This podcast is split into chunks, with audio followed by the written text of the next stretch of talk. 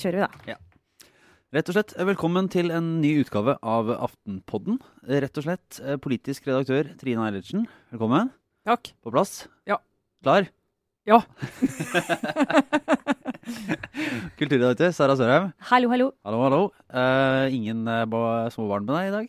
Nei, nå har uh, Trillepiken, som er min far, tatt ansvar for uh, barnebarnet. Så nå kan jeg snakke om uh, gøye og ikke så gøye ting som har skjedd denne uka, helt uten å bli forstyrra. Så nå har jeg ikke noe annet å skylde på enn min egen manglende hjernekapasitet, eventuelt. Vi får se hvordan det går. Ja, vi vi, vi ble jo enige om at vi skylder deg litt taletid etter de siste sendingene når du ikke har vært med, men, men ikke så veldig mye mer.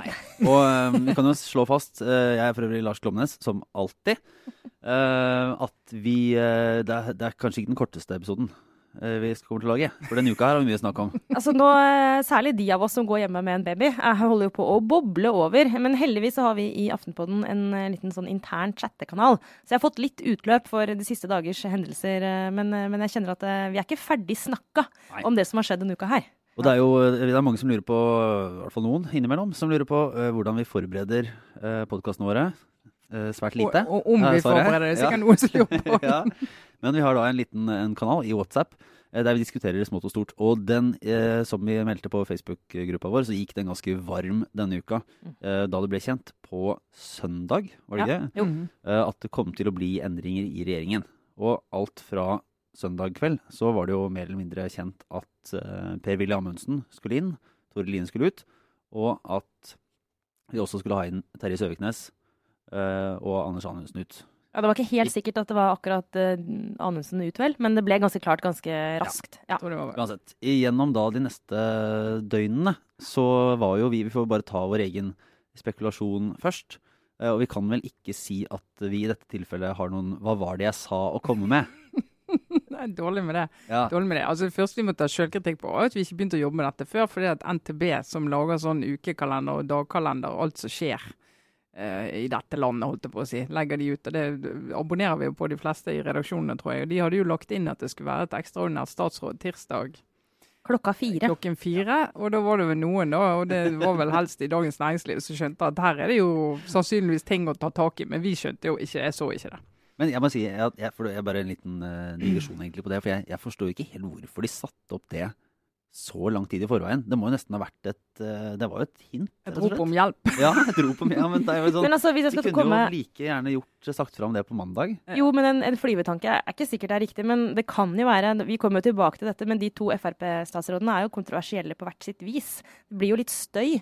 Kanskje en eller annen har tenkt at eh, de kunne ta ut litt støy før nøkkeloverrekkelsen. Det var greit å bli ferdig med de første reaksjonene et par dager før, og så hadde det kanskje lagt seg litt eh, innen, innen de inntok kontoret. Muligens. Ja.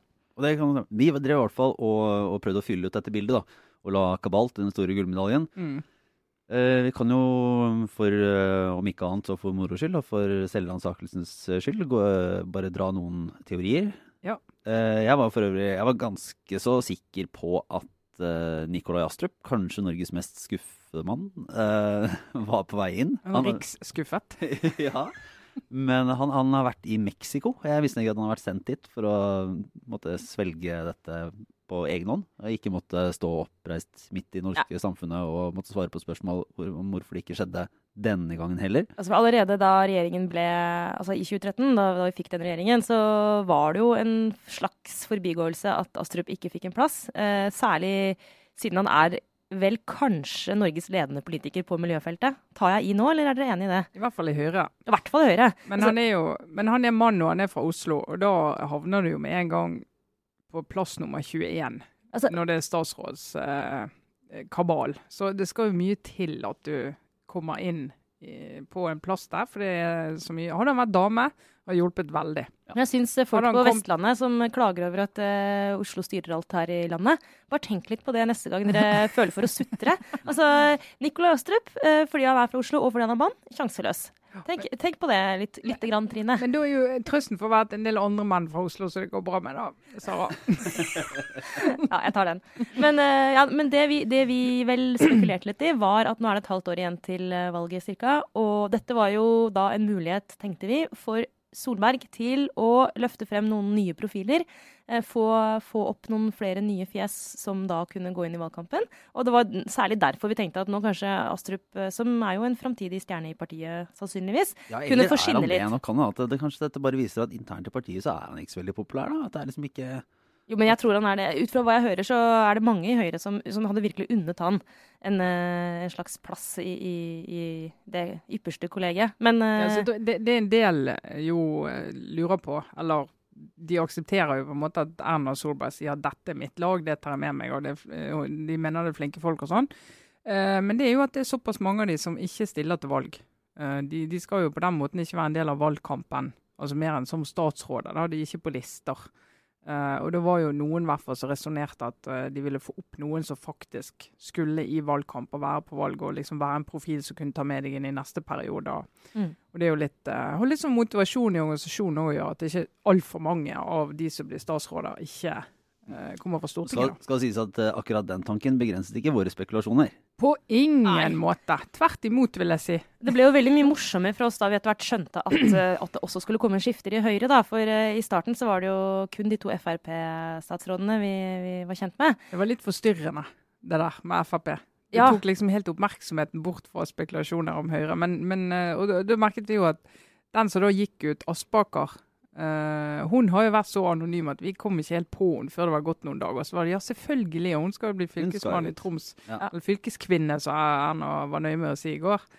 Uh, i, i, uh, i, Troms, og hun skal jo ut til høsten likevel. Så derfor må hun slutte nå. Det har hun ikke helt sammen. Da, men men det som spente litt bein på, så det kan jo lytterne vite altså Når det kommer sånne meldinger, når vi skjønner at det er skifter, så setter jo alle redaksjonene i gang. Eh, og det er jo kildejobbing. Vi ringer rundt til alle vi tror kan vite noe. Og så ringer jo det er litt gøy, Vi ringer alle i det politiske apparatet som vi kjenner, og så er det mange som ringer oss også. Fordi det er jo ikke så mange som er orientert eh, om akkurat disse personskiftene. De forsøker jo å holde, altså eh, SMK forsøker å holde en viss kontroll på informasjonen her. Så det er også mange i i politikken, og til og med inn i regjeringen, som også er veldig nysgjerrige. Så det er en slags sånn byttehandel her mellom, eh, mellom eh, pressefolk og, og politikere. Totalen, totalen ender med at man ikke vet hva som skjer? Ja, Ingen vet egentlig hva som skjer. Det er egentlig bare Erna Solberg som vet hva som skjer. Og ting kan jo endre seg helt til slutt. Det har vi jo altså fram til siste, omtrent siste minutt. Det har skjedd tidligere i, mange ganger. Men, men, det vi på en måte gjør, da, at vi legger jo til grunn noen sånne eh, hva skal vi si, altså Det er en del ting vi vet. Det er noen rammer for spekulasjonene. Og de bør helst være riktige. De er det veldig ofte. Eksempel nå så antok vi at eh, kjønnsbalansen i regjeringen skulle være omtrent, eller faktisk akkurat nøyaktig den samme. Så da vi endelig kom på at det selvfølgelig er det Aspaker som skal ut, da tok vi for gitt at en kvinne måtte inn. Men der gikk det litt galt for oss i Aftenpåden når vi skulle spekulere videre, for da begynte vi å lete etter damer. For det første lurte vi på om, uh, som ryktet sa i fjor, om, om Trine herværende Eilertsen ja. nå eh, skulle bli rekruttert. Det var det, jo, det var det, jo, folk som uh, trodde i fjor, av en eller annen forvirret grunn. Ja. Eh, den klarte vi ganske tidlig å legge død. Eh, og så hadde vi en liten jeg må innrømme at hadde en liten eh, teori om at kanskje Kristin Clemet ville bli kalt inn ja, for, å... for, å... være litt eh, tøffing i møte med, med slagsterke og debattglade Frp-ere. Mm. Hun er jo en eh, altså hun, Det er ikke noe tvil om at hun ville helt sikkert gjort en god jobb. Hun vet jo hva jobben er. Men jeg tror i ettertid at uh, det var for kort tid for henne. Hun har et interessant prosjekt uh, der hun er nå. Uh, og, og, det å gå ut av det og overlate Civita til noen andre, ba, bare i gåsehudene, for et halvt år, det, det, tror jeg ikke er uh, så spennende for henne. Men se ikke bort fra at hun vil være aktuell ved et uh, eventuelt Altså uh, hvis de vinner valget, så tror jeg ikke Clemet har lagt fra seg ambisjonen om å kanskje kunne bli statsråd igjen. Men da skal hun ha en, et litt lengre spenn, er min følelse. Ble hun spurt i fjor? Jeg hørte at hun var inne i en sånn diskusjon om arbeidsminister, men hvem vet. Nøyaktig. Men, men, i hvert fall, det, av og til er jo dette en mulighet til å få ta opp noen litt sånn yngre og gi de en mulighet til å vise frem. Da, og da prøver vi å finne talenter i Høyre og se hvem. Og da tenkte, jeg tenkte på Tina Bru som jo mm. er, markerer seg og er kjempeflink. Men det er jo for tidlig åpenbart for hun, da. Men liksom hvis du virkelig gutser på, så kan du tenke sånn òg. Det skulle jo vise seg, da, nok en gang at uh, vår statsminister er vel ikke akkurat den typen som tenker sånn Jeg tar en råsjans. Uh, det hadde jo vært veldig gøy hvis hun hadde tatt og hentet opp Tina Bru. Jeg tror hun uh, har en lysende fremtid i, i, partiet. Hun har markert seg veldig i år. Men Erna var ikke helt der. Hun valgte noe litt annet, kan Litt man trygt si. Men før vi kommer til selve valget, så var vi jo i siste sånn desperate innspurt, da vi virkelig begynte å gå varme, så begynte vi bare å kaste inn navn. Vi tenkte OK, vi finner, det er bare Tina Bru og Clemet i Høyre av kvinner vi tror er aktuelle, som vi kommer på. Vi må se utenfor partiet. Det var du, Trine, som kom. Anita Krohn Traaseth. Og Kåre Willoch. Han bare er sånn, han transcenderer alle kategorier. Samme at han er mann og kommer fra Oslo eller Asker eller hvor han kommer fra. Han, hvis Kåre Willoch, kongen. Da hadde, jeg, da hadde jeg blitt så glad. Da hadde jeg begynt å grine. Nei, også ordføreren i Stavanger, hun eh, eh, Ja, nå sto plutselig navnet helt stille for meg. Helgø? Hæ? Nå imponerer dere. Det her, det her, det her lar, vi, lar vi ligge. Nei, Eh, vi må jo pinlig. faktisk vi må snakke litt mer om de som faktisk er valgt. Ja, Eh, ja. og uh, det, eh, vi kan ta et, med, et lite, med et lite mellomspill. Fordi vi sitter her med et eh, vakkert lite julekort. Ja. Uh, tilsendt Aftenpodden rett og slett fra uh, Kommunal- og moderniseringsdepartementet. Ja, Mm. Håndskrevet av statsråden sjøl. Jeg kan ikke få sagt nok hvor stor pris vi setter på dette. Det er klart at dette gjør at vi blir mer velvillig innstilt overfor, eh, overfor departementet og prosjektene til Ja, ja. eh, statsråden. Som om vi kunne blitt mer velvillig innstilt, noen av oss. Men sånn er det. Det står jo 'kjære Aftenpodden', men jeg og Lars har en sånn følelse her av at eh, Jan Tore Sanner egentlig har skrevet dette til Trine. For det er en personlig takk for eh, Reformhjørnet. Reformhjørnet. Men jeg må nesten beskrive dette. For det er jo, da, Beskriv det. det er jo et, Det er flott bilde. det er jo Vi har et- lagt det ut på Facebook-siden. Det er jo et uh, kort som, uh, som får en til å lure på om dette er tull. Rett og slett, for det er så stygt. Ja, unnskyld. Vet du hva? Vi, vi er på ekte glad for deg. Vi er ikke ironiske over å få kortet. Jeg synes det er veldig hyggelig. Men det kortet det ser ikke ut i måneskinn. Altså, noen må hjelpe departementet. Hva har de disse informasjonsfolka sine for? De har et, altså, departementene har så mange som har som jobb å kommunisere. Ja, De er flere på ikke jobber, informasjon der enn som jobber i redaksjonen her, så de Ja. må jo begynne. Noen av dem kunne vel klare å ta seg et lite kurs i å lage mekke noen julekort på internett som ikke ser helt hårreisende forferdelig Men ut. jeg, jeg liker det litt òg, da. For det er, det er på en måte det er en sånn ironisk distanse i det hele. Det er, det er litt nordlys og et gyllent juletre og Gullbokstaver. gullbokstaver. Eh, men egentlig, og ikke minst, så er det også i bakgrunnen, da, en eh, blid kar med rødt slips. Per-Willy Amundsen, Ja, for det er bilde av politisk ledelse i, i departementet. slik med- den har vært. Slik den har vært, ja. Og bakerst der, ja, en slags, som en slags sånn tittentai, så stikker det seg fram en blid kar med et ganske intenst rødt slips. Ja, Statssekretæren. Ja. Som nå har blitt uh, statsråd, justisminister. Rett og slett. Uh, omstridt uh, Ja. mann. Ja, og det har jo Høyre-folk har jobbet hardt for å snakke han opp de siste dagene. eh, og fortelle for at han har gjort en veldig veldig god jobb i departementet. eh, og jobber veldig godt med Jan Tore Sanner. Og at eh, han har forandret seg helt siden eh, 2013, da han sluttet å tvitre Ja. og ble statssekretær. På en måte la inn på den smale sti. Altså Det beste man kan si om altså det, det mest, altså hvis, man, hvis, man, hvis dette virkelig stemmer eh, Og det var sånn vi skjønte at denne spekulasjonen var reell. Det var jo når denne spinn-jobben begynte fra, fra Høyre-hold, og overbevise oss om at Amundsen var eh, hel ved og en solid politiker. Um, men det at han faktisk slutta å tvitre da partiet kom i regjering, det er jo et tegn på, om ikke annet, mer åndsnærværelse enn f.eks. Uh, Påtroppende president i USA. for eksempel. Altså, det å skjønne at eh, sosiale medier det er et fantastisk våpen i de rette hender. Og hvis ikke du vet hvordan du skal kontrollere det, så bare stay the fuck away. Og at han har skjønt det, det kan jo tyde på at han er i stand til å endre seg, i hvert fall. Ja, Fordi han er jo da, bare for, eh, som en liten recap, så har han da, han var jo da eh, innvandringspolitisk talsmann, og blant de som eh, strakk eh, Fremskrittspartiet i hva skal man si, innvandrings- og islamkritisk retning. Han har hatt en del utspill der som, eh, som har gått, eh, gått rundt på internett de siste dagene, eh, som, er, som går utapå det meste som er sagt av stortingspolitikere. Altså, for å være helt ærlig, jeg syns han har vært en politiker eh, fram til eh, 2013. Men fram til da en politiker som jeg bare må si at det har vært vanskelig å ta alvorlig pga. koko-graden i utspillene. Eh, for meg har han vært eh, litt i den kategorien, det må jeg faktisk innrømme. Eh, Altså, I Harstad var det et, der han har litt av basen sin. Der var det et, er det et asylmottak for mindreårige asylsøkere. Og han snakket om det, om at det, dette ødelegger boligmarkedet her i byen, og det ødelegger nabolaget. Og det var ganske mange der som reagerte på at han snakket sånn om akkurat den type mottak. Eh, ikke minst fordi at de hadde ingen problemer med det. Veldig små, ikke noe å snakke om, liksom. Så han liksom tok det i forkant, så at dette kommer til å ødelegge boligmarkedet her i byen. Det er klart at sånne ting, når du går ut og, og liksom det er det du er opptatt av, så henger det ved deg. mm. Ja, han har også snakket om behov for, for nye korstog og og vært, vært knallhard på, på, klimafronten, for han var også energi- og, og, energi og klimapolitisk talsmann en mm. periode. Mm. Uh, der han da gikk i bresjen for en var altså en klimafornekterfløy, da. Altså, det, det er altså at, vanskelig. At, altså at menneskeskapte klimaendringer er en bløff. Noe marxister har tydd til ja. da Marx døde, mer eller mindre. Og det mener jeg akkurat, akkurat den posisjonen der er også et eksempel på noe, altså det, det, er også vanskelig liksom, å møte det med noe annet enn å bare tenke at dette er, kun, dette er ren populisme og eh, går ikke an å ta alvorlig. Men, men, så er det jo dessverre en holdning som etter hvert nå er representert ganske mange, hos ganske mange med makt. Men, men eh, det var interessant å se at eh, der var det veldig stor forskjell på de eh, to statsrådene fra Frp i går. Nå kommenterte jo ikke Amundsen dette her, eh, disse utspillene, men eh, hans nye kollega var jo veldig tydelig på at han skulle ikke skulle ikke bli slått i hardcore med, med klimafornekterne. Ja, nei, nei, det, men det som, er, det som er litt uh, interessant med, med Amundsen, det er jo det at ja, han sluttet å tvitre i 2013. Han sluttet å, å si alle tingene. Han ikke, løper ikke rundt på Facebook og mener i hyttepine. Ingen som har hørt fra han egentlig, unntatt når han har vært i rolle. da.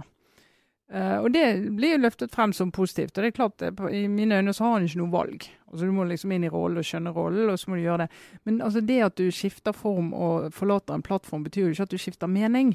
Uh, mm. Så han mener jo sannsynligvis alt dette enda. Uh, og det, det, er det som blir så vanskelig når han da blir utfordret på det nå. Så har han tydeligvis blitt drillet i akkurat som Sylvi Listhaug, dere husker når hun ble statsråd. Eh, hvor hun sto bare med en sånn, akkurat som putte på en femmer og bare si jeg forholder meg til eh, regjeringsplattformen og jeg forholder meg til eh, samarbeidsavtalen. Om igjen og om igjen og om igjen, og det gjør han også. Og, de, og de, de har, Jeg tror de har fått råd om at dette kommer til å pågå et par døgn. Bare svar det, så, så blir vi ferdig med det. Vi må gjennom det, men så kan du begynne å jobbe. Uh, men det er klart, det er veldig rart at du da ikke kan si jo, altså jeg, jeg mener jo dette. Mm. Uh, og det, jeg skulle ønske jeg kunne jobbe for en annen politikk, men det kan jeg ikke når jeg er statsråd i denne regjeringen her. Og så diskutere litt hva det betyr. For det er klart det, det har en innvirkning på prioriteringene dine, på ordbruken din. Og det må du kunne diskutere og problematisere. Og jeg syns det er litt sånn fascinerende at eh, Erna Solberg og Høyre helt avviser det som en problemstilling. Mm. Og bare sier ja, men han har ikke tvitret siden 2013. Han er ikke der, han skjønner rollen.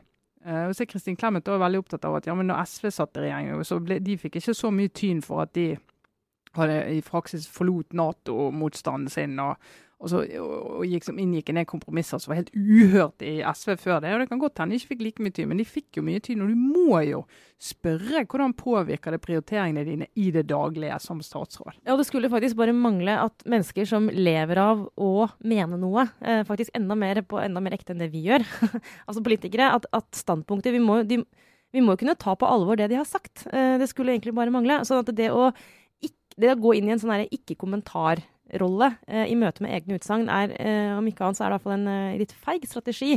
Og så får vi se. Han skal få muligheten til å, å komme med litt reell politikk. Det kan godt hende at han kan markere seg bra. Spørsmålet er om det er nok tid for han uansett i løpet av et halvår til å, til å komme inn i jobben og faktisk få utretta noe. Men vi får se. altså, han, jeg er spent. Jeg vet ikke nok om hvordan han har jobba nå i det siste, og hvordan han kommer til å være som statsråd. Jeg bare stiller meg åpen til det. Men han har en utfordring, i hvert fall i forhold til å overbevise om at han ikke representerer det som jeg unnskylder at det er litt arrogant sagt, men det som er litt ko-ko-høyre i norsk offentlighet. Og, og det jeg, eh, tro, jeg tror ikke at han kommer til å fortsette å uttale seg på den måten, men jeg er spent på hva slags politikk han kommer til å gå i bresjen for. Bresjen. Det, er et, ja. Eh, det er fascinerende å se noen som som har vært så tydelige og bygd seg opp som en veldig tydelig politiker, blir stående og bare si sånn ingen kommentarsvar. Altså, det er liksom For de som har valgt ham på bakgrunn av sterke meninger og tydelighet, ja. får se en sånn pudding som står i, i, i gangen utafor uh, kontoret og så nekter å forholde seg til noe av det han selv har sagt tidligere. Det er jo ikke akkurat sånn, det er jo liksom ikke tillitsvekkende for politikerstanden da, at det kan aksepteres at opposisjonstilværelsen er et slags teater der man skal trekke alt i, i en veldig ekstrem retning. og så naturligvis så mener man ikke det man sier. Man skal, når man går inn og skal gjennomføre dette, så er det noe helt annet. Men eh, den andre i, eh, i, Fremskrittspartiet som går inn, er jo ikke nødvendigvis mindre kontroversiell, selv om han politisk sett er en veldig mye mer eh, moderat retoriker og politiker enn Per-Willy Amundsen. Ja, og... Søviknes er jo da en måte for oppmerksomhet for denne skandalen for 16 år siden. Som, som gjorde at han fikk en brems på sin rikspolitiske karriere. Og nestleder, og var Mm. på besøkte FPU-landsmøte. eh, og utpå natten der så eh, hadde han da sex med en 16 år gammel FPU-tillitsvalgt. Som han også hadde skjenket eh, i forkant. Så hun var, hadde, hun var Hvor full vet jeg ikke, men full, i hvert fall. Fullere enn en 16-åring skal være på et Ja, parti. og han ble anmeldt for voldtekt. Og har vel erkjent uh, alt det som skjedde, uh, uten at det ble straffeforfulgt på noe tidspunkt. Den saken henlagt. ble henlagt. Men, uh, men det gjorde jo at han lenge har vært ute av rikspolitikken. Naturlig nok, vil jeg legge til, etter den hendelsen her. Det var vel vanskelig å se for seg at han kunne fortsette med den typen tillitsverv i partiet som han hadde da. Men etter hvert som årene har gått, så har han jo etter hvert langsomt kommet tilbake til ledelsen i Frp, og nå altså den rikspolitiske scenen. Det er, syns jeg, litt sånn vanskelig å forholde seg til. Uh, rent politisk, vi kan jo starte der, det er det enkleste. Deg, Trine, dette vet du uh, mer om, som, som har observert han fra din, uh, ditt ståsted på Vestlandet. Han, politisk sett er han jo supersolid. Som utkantens representant, Trine. Ja, Ja. som distriktsrepresentant her nå. Nei, altså, Terje Søknes er jo en av de mest suksessrike ordførerne i Norge. Eh, han har holdt på i 17 år, blitt gjenvalgt fire ganger, velvalgt fem ganger, gjenvalgt fire ganger. Eh, og har tidvis gått opp valg for valg i oppslutning, og har virkelig vært eh, populær i Os kommune, der han har vært ordfører. Og han har gjennomført Frp-politikk, men han er ikke minst kjent for å være en pragmatiker. Sittet i fylkesting og jobbet svært godt sammen med andre partier. Og Det var en av grunnene til at han ikke ble valgt inn i sentralstyret, det var vel i 2010. Eh, det var jo at han hadde gått med på og stemt for en eh, bompengeløsning på en vei. Mm. Det rammet jo ham hardere i I partiet, partiet enn den en, en, en, saken i utgangspunktet fra gjorde. 2001. Eh, For Litt av problemet med saken den gangen var jo at partiet håndterte det så helt katastrofalt dårlig, så det tok- veldig lang tid. og ja, Det var jo virkelig enden på troverdigheten til mange. Mhm. Det tok lang tid å bygge opp igjen. Eh, men så kom han jo inn igjen da i sentralstyret, og han er jo en sånn, han er jo en sånn politiker som har masse praktisk erfaring som politiker, og vet at ja, du kan jo ha så mye program du vil, men du må få løst ting, og liksom bare bli enig, og få noen kompromisser, og bli enig, få Mm. gjort ting. Uh, og han er rutinert med å forsvare seg. Ikke minst, det så vi i går. Han kommer jo inn i dette her med en helt annen autoritet enn Amundsen gjør. Mm. Uh, og han, han tør å svare mye friere. Og han har tydeligvis skjønt at han kom til å bli konfrontert med den uh, saken for 16 år siden. Så han går rett i og sier det at nei, dette angrer jeg på hver eneste dag. Mm. Så det blir litt sånn, nesten litt sånn stå, Det er vanskelig for journalisten å stå og plage han så mye med de spørsmålene, for han svarer jo, i motsetning til Amundsen som ikke svarer. Så det er jo en fest for journalisten å bare stille spørsmålet på ni forskjellige måter og få det samme svaret. Og få liksom, ja, og få liksom vist frem at dette virker ikke. Ja, skal du dømme etter bare eh, gårsdagens opptreden, så er det jo klasseforskjell på de to uh, i rollen der. Eh, og jeg, jeg, også syns Søknes svarte bra for seg. Og jeg, jeg syns også at det er eh, for så vidt eh, fint at det ikke er yrkesforbud eh, for folk som har eh, gjort en tabbe. Og jeg, jeg skjønner hvorfor det var åpenbart veldig viktig for Siv Jensen å få han inn nå. Eh, Jeg er veldig spent på hva slags diskusjoner de har hatt på bakrommet. Det, jeg, det må kunne tolkes som en veldig altså som en seier for Siv Jensen at hun, at hun fikk det til. Han har jo vært i diskusjonene før også. Ja. Jeg, jeg, jeg antar bare, dette har jeg ikke eh, snakket med noen om uh, som har sittet i disse møtene, men jeg antar at det har vært uh, en, en vanskelig avgjørelse. Fordi, og det er det jeg kjenner litt på nå, det er at jeg syns det er uh, helt åpen... Altså, det er veldig stor forskjell faktisk på en vanlig jobb, åpenbart, men også lokalpolitikk, og det som vel kanskje er Altså det er blant landets aller tyngste tillitsverv, det å bli statsråd i en regjering. Det er noe med at du skal Du inntar da en rolle som er altså så eh, Det er så få mennesker som har den, og det stiller så store krav, og du, har, du forvalter så mye. Men, men det er det med, det er det med det tillitsvotumet, og jeg kjenner at jeg syns det er faktisk fortsatt litt problematisk at en person med så åpenbart dårlig dømmekraft, selv om det er 16 år siden, eh, men som også har påført andre den typen smerte som han åpenbart har gjort, at de likevel, at man vurderer at de har eh, likevel det som skal til for å kunne innta den posisjonen, det lugger litt for meg. Det må jeg ærlig innrømme. Men, men jeg, jeg vet ikke helt. Jeg føler ikke heller at det er riktig at han skal på en måte mm, måtte bøte for dette resten av livet. Men dette er ikke en, jeg, jeg, eh, jeg antar at de ikke hadde noen bedre kandidat. For hadde de hatt noen som var like gode, eller nesten like gode, så kan jeg ikke skjønne annet enn at den personen ville, ville fått jobben fremfor Søknes. Jeg, så alvorlig syns jeg den saken faktisk er, fortsatt en dag i dag. Ja, altså, det er litt um, altså Det er på en måte først og fremst i Frp han skulle tilgis. Uh, og et parti må jo få velge sjøl hvem de skal bygge opp som sine profiler og sine topptillitsvalgte. Uh, så han er, har vært liksom helt i eliten i Frp nå i flere år. Sitter i sentralstyret og er en av de, de de, har lyst til å satse videre på. Og om de har lyst eller ikke, han har nå satse videre på seg sjøl som ordfører og har klart det helt fint å bygge seg opp egentlig i skyggen av Riks-Frp. Mm. Uh, og så er det, men så er det klart Erna Solberg sin vurdering når hun skal ta han inn i sin regjering. For det, statsministeren går jo ikke rundt og plukker liksom og sier jeg vil ha den, og, men ikke den, i et annet parti. Da kommer jo Siv Jensen og sier dette er de vi har lyst til å ha inn. Så kan statsministeren si nei, mm. ikke han. Hun har veto på å si nei, men ikke egentlig på å si ja. men jeg tror hennes vurdering er Han kommer fra Vestlandet, kommer fra sånn krisefylke. Han kjenner lokalpolitikken ut og inn. Og liksom alt som har, Når de skal i valgkamp nå Han skal jo i valgkamp ut og snakke om eh, Vestlandet og gjenreisningen og omstillingen og oljebransjen og satse på nye leteområder og altså alt det som, eh, som, de skal jobbe med. Så tror jeg hun vurderer det sånn at eh, han har stor troverdighet i en del av landet der de er nødt til å vinne hvis de skal klare valget neste høst, og der Arbeiderpartiet jobber virkelig systematisk nå for mm. å vinne tilbake det de mistet i 2013. Litt sånn som Erna gjorde før 2013, faktisk. Ja, ja, akkurat det samme. Og, uh, og da tror jeg hun, litt, hun har jo en veldig sånn utrolig rasjonell Erna Solberg. Så jeg tror hun tenker litt sånn ja, litt, Hun tenker at det er litt sånn sak som de, som de det gjaldt, de er ferdig med det. Mm. Han har vist at han uh, er tilliten verdig sitt lokale, på sitt lokale plan. Det blir litt støy nå, og så er det ingen som snakker om det mer. Ja, og så du, kan vi Så er det en fair ting at, at, velgerne må ta stilling til om de mener at det er en om det er en vurdering man vil støtte. da. Altså mm. Hvis velgerne mener at det er en så dårlig dømmekraft av Siv Jensen og i og for seg Erna Solberg, så risikerer du at det er et tap for dem i valgkampen. Men det er det jeg lurer litt på. Å få ytre ytre effekten eller reaksjonene på, på, beslutningen. Ja, Om det kan slå tilbake på Solberg eh, rett og slett eh, sånn verdimessig. Men det er mulig at de som reagerer på det, uansett ikke er aktuelle til å stemme på, på denne regjeringen. Sånn at hun rett og slett uh, har vurdert de hen som du uh, høres logisk ut, Trine. At uh, dette er faktisk lønnsomt for henne, og ikke taper så mye. Så ja, vi får se. Men, men han, at han kommer til å gjøre en solid jobb, det tror jeg ikke det er så mange som er i tvil om. Det er knapt nok noen olje- og energiministre som har gjort seg helt bort. Det er jo et forvaltningsdepartement ikke så vanskelig. Nei, det er det.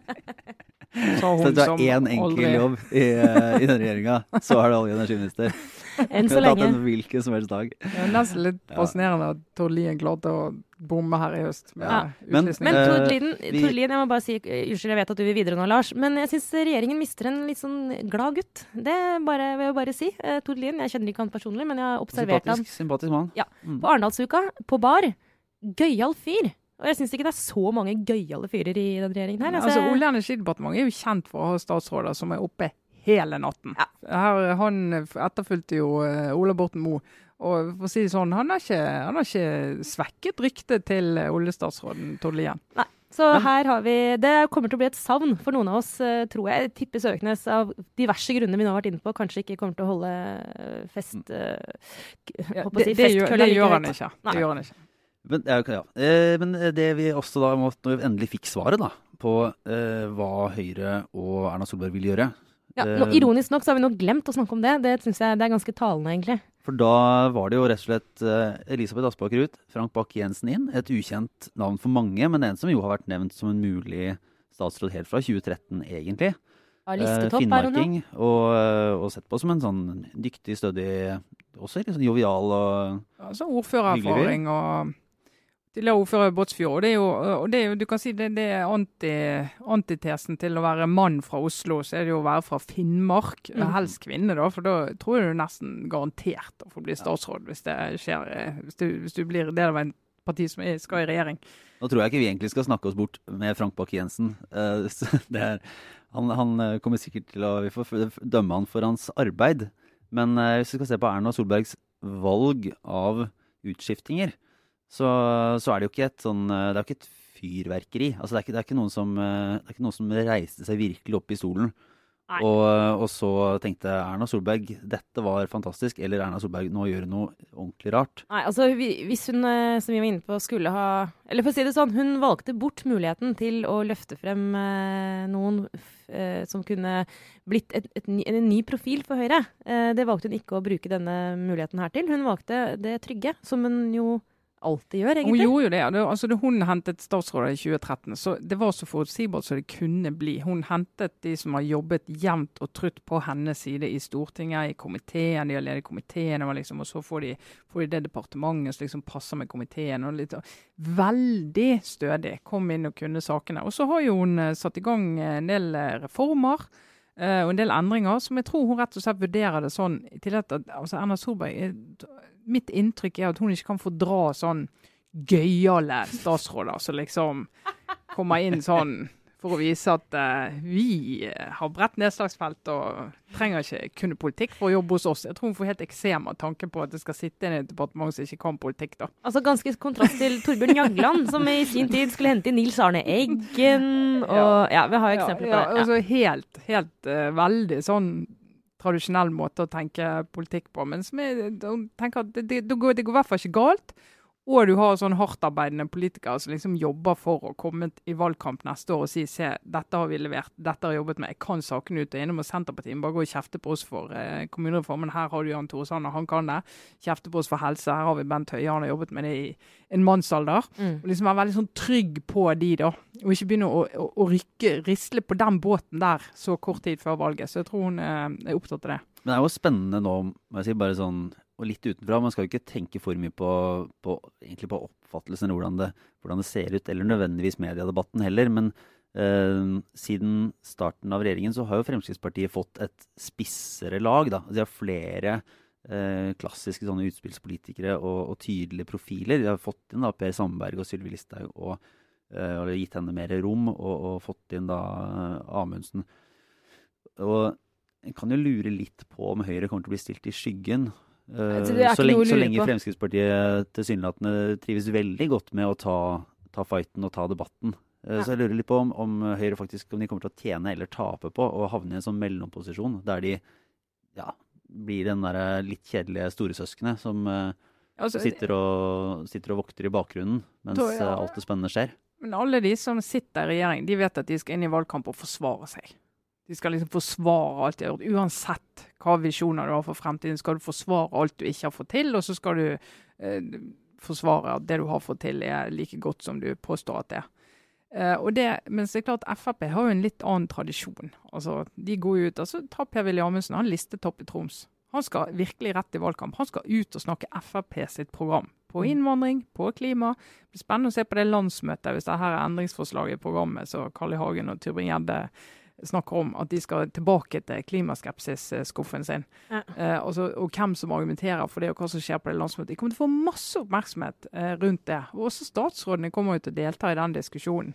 Men sånn sett kan det være en genistrek, da. Fordi det har jo, eh, ved å gjøre han til statsråd, så har hun i hvert fall sørget for å gi han kanskje en, om ikke akkurat munnkurv, så eh, må han jo da sannsynligvis oppføre seg med Ja, han må unngå de mest populistiske utspillene, da. Vil jeg tro. Jeg, jeg tror at eller det er er god analyse. Ja, det tror jeg, tror jeg at Fremskrittspartiet har sett ut fra det som har skjedd nå det siste, siste året. At vi tenker at det, nei, vi har ikke noen grunn til å følge liksom gammel kutyme på, på å forsvare, bare sitte og forsvare det som er gjort. Det det her, er her- liksom, Ja, er det bare å kjøre på med offensive tanker og Ja, hva altså, vi tar, mener og primærpolitikk og hele den derre Innimellom glemmer jeg at vi har hatt 2016, og at ja. ting som er en regel, ikke lenger er en regel. Så selvfølgelig så har ikke det noe å si. Nei, så bare- of course. Ja, nei, jeg skjønner den. Fremskrittspartiet kommer til å snakke i valgkampen om at FM-nettet ikke burde være slukket, tror du Ja. meg. Og det er jo da de tre statsråder som har vært med på det. Vet du hva, det blir en fest. Det gleder meg allerede. Men jeg, jeg altså, virkelig, jeg tror Jeg kan ikke skjønne annet enn at Solbergs vurdering er at det, er tross alt bedre å ha disse folka i regjering enn som eh, frittgående høns. Unnskyld, det var veldig nedlatende sagt. Jeg mente det ikke på den måten. Men altså som, som Det høyt tenk... Ja, ja,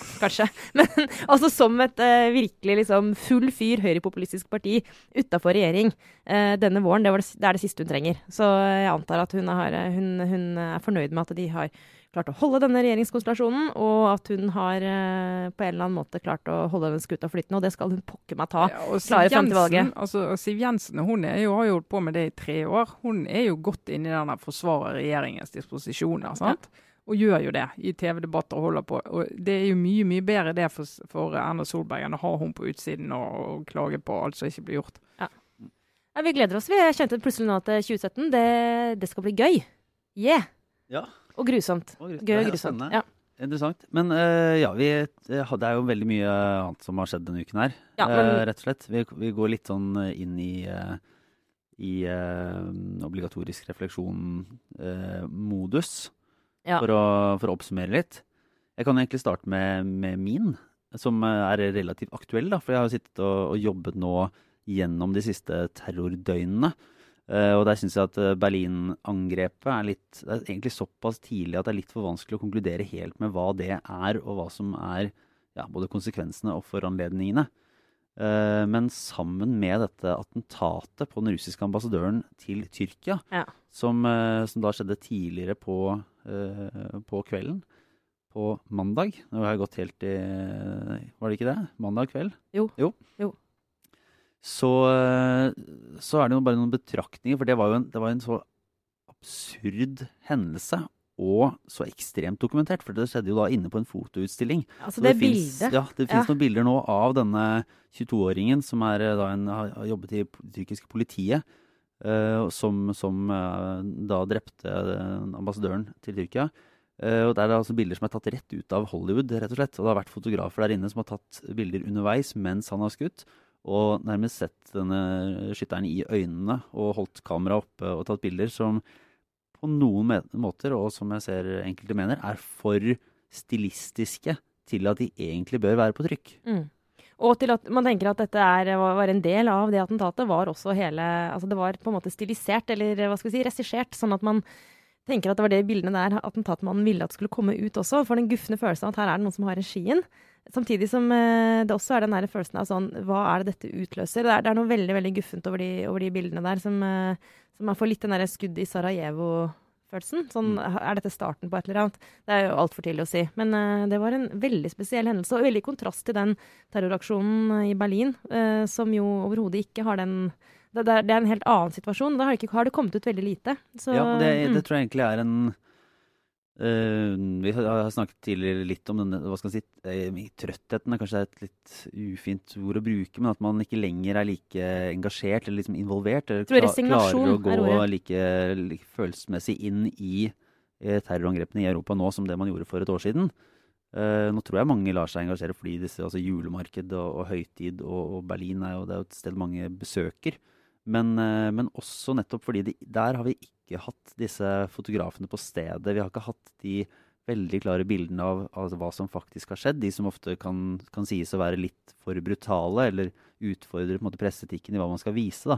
Mm. Um, her klarte tyske myndigheter å stenge av hele et område ganske kjapt. Og det har vært få liksom, visuelle bevis på, på, det som har skjedd.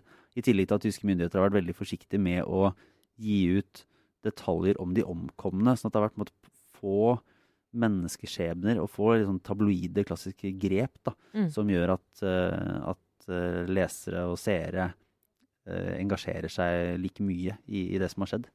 Men det er mulig det er lurt. Det er mulig det er, altså, at det er et eller annet med den, det sensasjonelle med disse angrepene. At det er en del av Ikke drivkraften, men at det er, et, at det er ønsket fra terroristene. At det, skal, at det skal slå ned på den på den måten gjør. Men det er, det er på en måte på å si spektakulært. Det er jo ikke et, er et positivt lada ord. Jeg mener jo her i den grusomme betydningen av ordet, da. Men det er jo sånne aksjoner som, eh, som i all sin gru skal liksom sette seg. Og jeg tror eh, Jeg, vet, jeg er ingen ekspert på dette, men magefølelsen min er at det, det kanskje er like greit at dette ikke blir sånne grafiske emosjonelle, sterke bilder, men at, at, at, at, vi systematisk jobber med det. Men at man liksom ikke Det, det er ikke her sensasjonsjournalistikken nødvendigvis skal, eh, skal slå inn. Da. Ja, der tror jeg jeg er ganske uenig, men jeg lurer på om vi skal la den ligge ja. til en senere diskusjon. Nei, men, men altså, det var jo en diskusjon i sommer der franske medier en del bestemte seg for å ikke eh, bruke noe særlig plass på nye terroraksjoner, fordi at de mente at da ble det en del av, av fortellingen til terroristene. Eh, og vi diskuterer og sier at uh, vi, vi, må, vi, må, fortelle om det, for det er en genuin dramatisk hendelse. Så vi må fortelle om, og nettopp det må vise. Husker de bildene fra T-banen i Brussel i påsken, etter mm. det smalt der.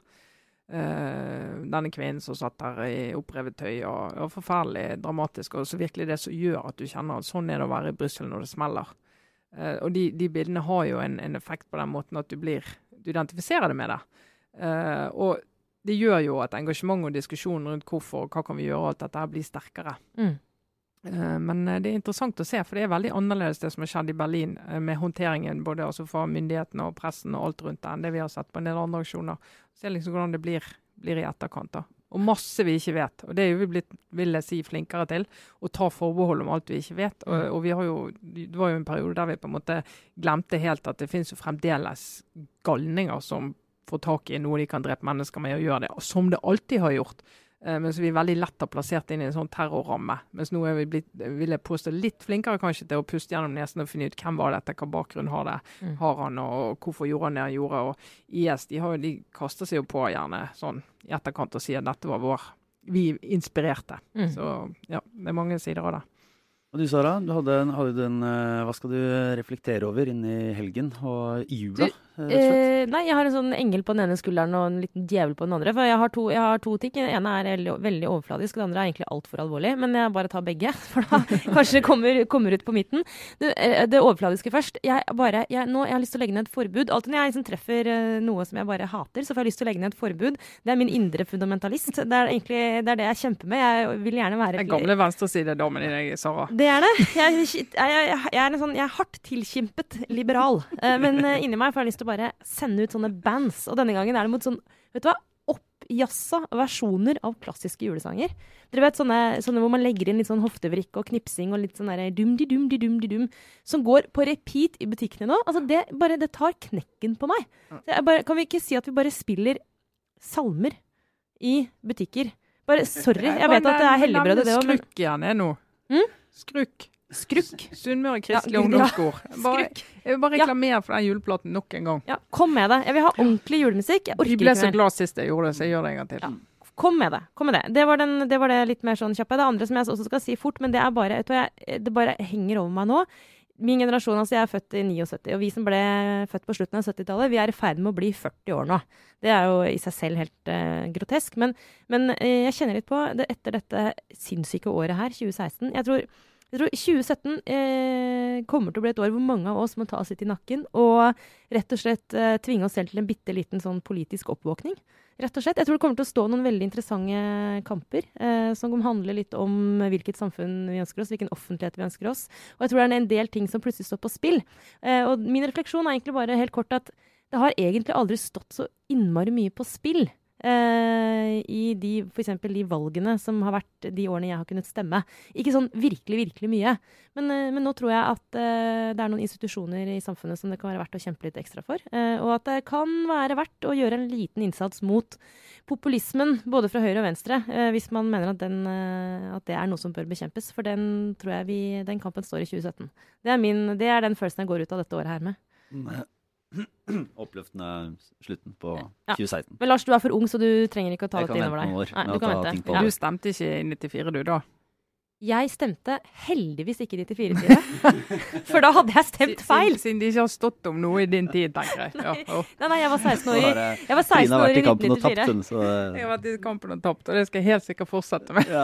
Men som jeg har bekjent til Trine en gang før, men som du har eh, rett og slett sletta fra hukommelsen, tror jeg. For du orker ikke å se det inn i øynene. Jeg var jo faktisk medlem i Ungdom mot EU jeg, i 1994, som 16-åring. Så det var den eh, Det var min synd bekjennet herved. Vær så god, Trine. Hva med Ja. Nei, altså det, det blir jo ikke mye lysere her, da. Men det er jo jul, så vi må jo snakke litt alvor òg. Nei, det må, vi må ikke det. Men jeg har snakket for mye om julemusikk allerede, så jeg skal ikke snakke om det. Jeg skal bare snakke om klima, rett og slett. Fordi at eh, den Hagen-utspillet, Carl I. Hagen-utspillet som kom, eh, der han får med seg eh, og viser at det er flere i stortingsgruppen til Frp som mener at nå må, vi, nå må vi gå ut og finne en et ståsted her som vi kan mobilisere på, og som sier at uh, vi trenger ikke bruke så mye penger på klima.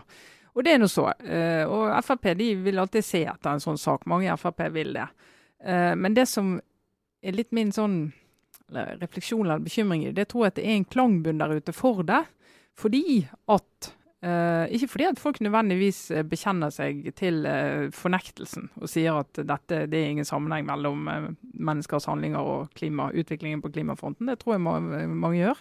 Men fordi at nå begynner vi virkelig på de norske budsjettene fremover nå, så får vi det litt sånn ja, skal vi bruke penger på å støtte lastebilnæringen til å få mulighet til å kjøre med mindre utslipp, eller skal vi bruke pengene på sykehjem? Mm. Skal vi bruke pengene på å støtte folk som har lyst til å drive med klimavennlig virksomhet, eller skal vi bruke pengene på Altså, du, du får satt veldig opp mot hverandre. Og bare en liten forsmak, det vi fikk nå. Ja, det, dette er starten på det, da. Og dette kommer. Jeg tror det kommer til å bli mye vanskeligere sak enn alle disse her eh, koselige klimaforlikene som det politiske flertallet har lullet seg inn i. Da. For det blir satt veldig på spissen nå de neste årene når eh, de norske budsjettene blir, om ikke strammere, så i hvert fall blir mer utfordrende å prioritere. Da.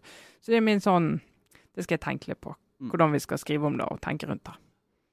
Uh, og da nærmer vi oss eh, jul, rett og slett. Ja, herlighet er eh, rett rundt hjørnet. ja. Nå skal jeg ut og ødelegge hjernen min med siste desperate julehandel med disse her grusomme, forferdelige julesangene liksom, ringende i hodet. Men det du kan gjøre, da, du kan, gjøre det du kan ta på deg Bose-hodetelefoner som jeg har med motlyd, og så heller høre podkast mens du handler. Anbefaler. Ja, Ja. det gjør vi. Og vi kan jo også si at gamle utgaver av Aftenpoden. Ja, og så kommer vi Dette er det siste vi rekker å gjøre i eh, 2016. Men vi har en utgave på lur eh, for lytterne våre i romjula, som vi spilte inn på Kulturhuset for eh, hva er det nå, en uke siden her i Oslo. En live podkast med våre frenemies i VG, Jæver og Joffen.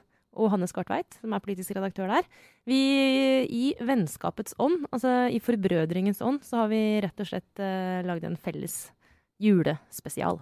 Så den går ut en, Nå er jeg litt usikker på om det er 28. eller 29., men den kommer. Den kommer. Vi må bli enige med, med Jæver og Joffen i hvilken dag vi skal uh, slippe den. Det har vi ikke klart ennå. Såpass eh, kan det ikke helt Så fort går det ikke. Så vil jeg bare igjen minne om Facebook-siden vår. Eh, Vi finnes der. Og at det går an å abonnere på Aftenposten, rett og slett. Via vårt lille lyttertilbud på aftenposten.no slash podden. Der kan man gå inn og få et eh, godt eh, tilbud. Ja. Det håper folk gjør. Det blir vi glad for. Og sender dere julekort, så tar vi imot det og leser de òg. Ja. Jeg er veldig glad i julekort. si det, det var et, veldig, det var et, et stygt julekort, men alle ser veldig eh, flotte ut på det. Det var, ingen som, det var ikke personene som gjorde at julekortet fra Jan Tore Sanner og Kommunaldepartementet er litt rart. Nei. Og i, med de harde journalisthjertene våre, så var dette her det nærmeste vi egentlig kom en ektefølt uh, takk. Tusen takk for julekortet. Og takk for i år, og så ses vi igjen i 2017, rett og slett. Et nytt og bedre år, satser vi på. Ja, skål for det. Fint det. Trine Eilertsen, Sara Sørheim, jeg er Lars Glomnes. Ha det bra.